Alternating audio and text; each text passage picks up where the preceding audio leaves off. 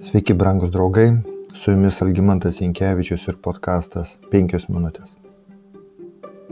Tamsus puslapis teisėjų Iftacho istorija yra susijęs su priesaika įžadu, kurį jis paskelbė lemiame mūšio išvakarėse po nesėkmingų taikos dėrybų su monitais.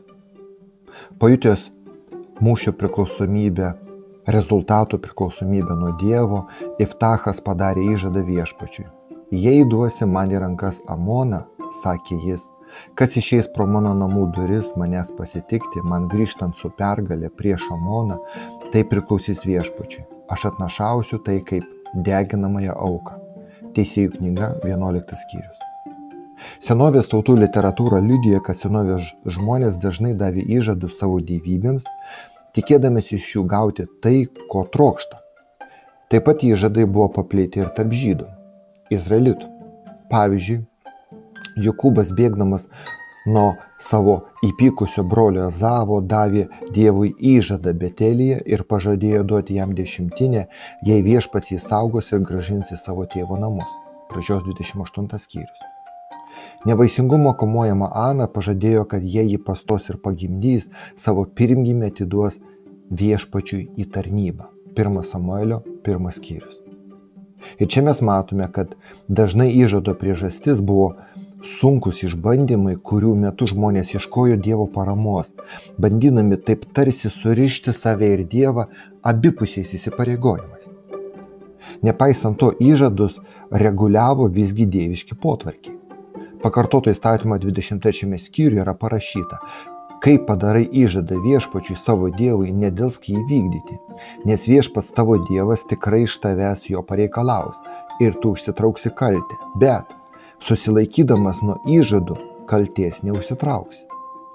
Matome, kad įžadas čia pasirodo kaip tam tikra kabutėse našta, kurią reikia įvykdyti tik tuo atveju, jeigu žmogus savo noru prisėmė šią naštą.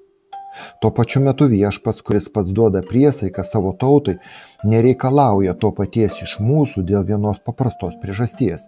Jis yra visagalis Dievas, o mes esame nuodėmingi ir silpni žmonės. Jis visada vykdo tai, ką žada, ko negalima pasakyti apie mūsų žmonės.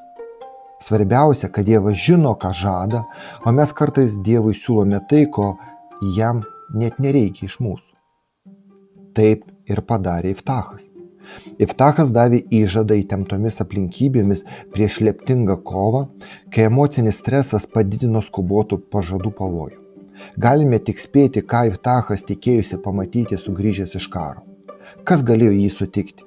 Gal šuo, žmona, gal vergas, o gal vienintelė dukra? Svarbiausias klausimas kitame, ar iš vis reikia Dievui tokios aukos? Be to, Dievas griežtai uždraudė kananiečių paprotį aukoti žmonės.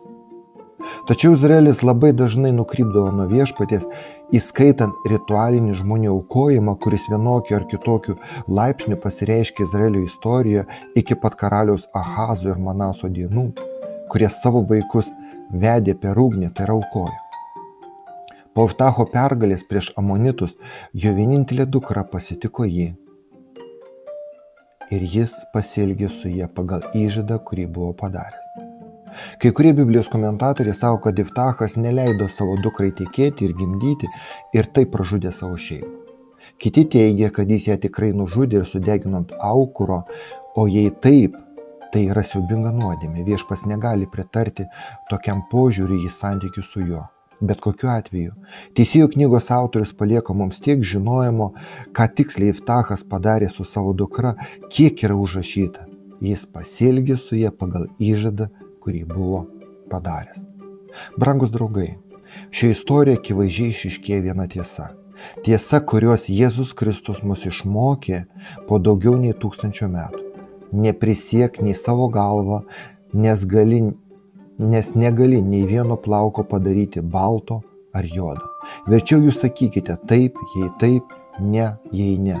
O kas viršaus, tai iš piktojo. Su jumis buvo penkios minutės ir Algymantas Jankievičius.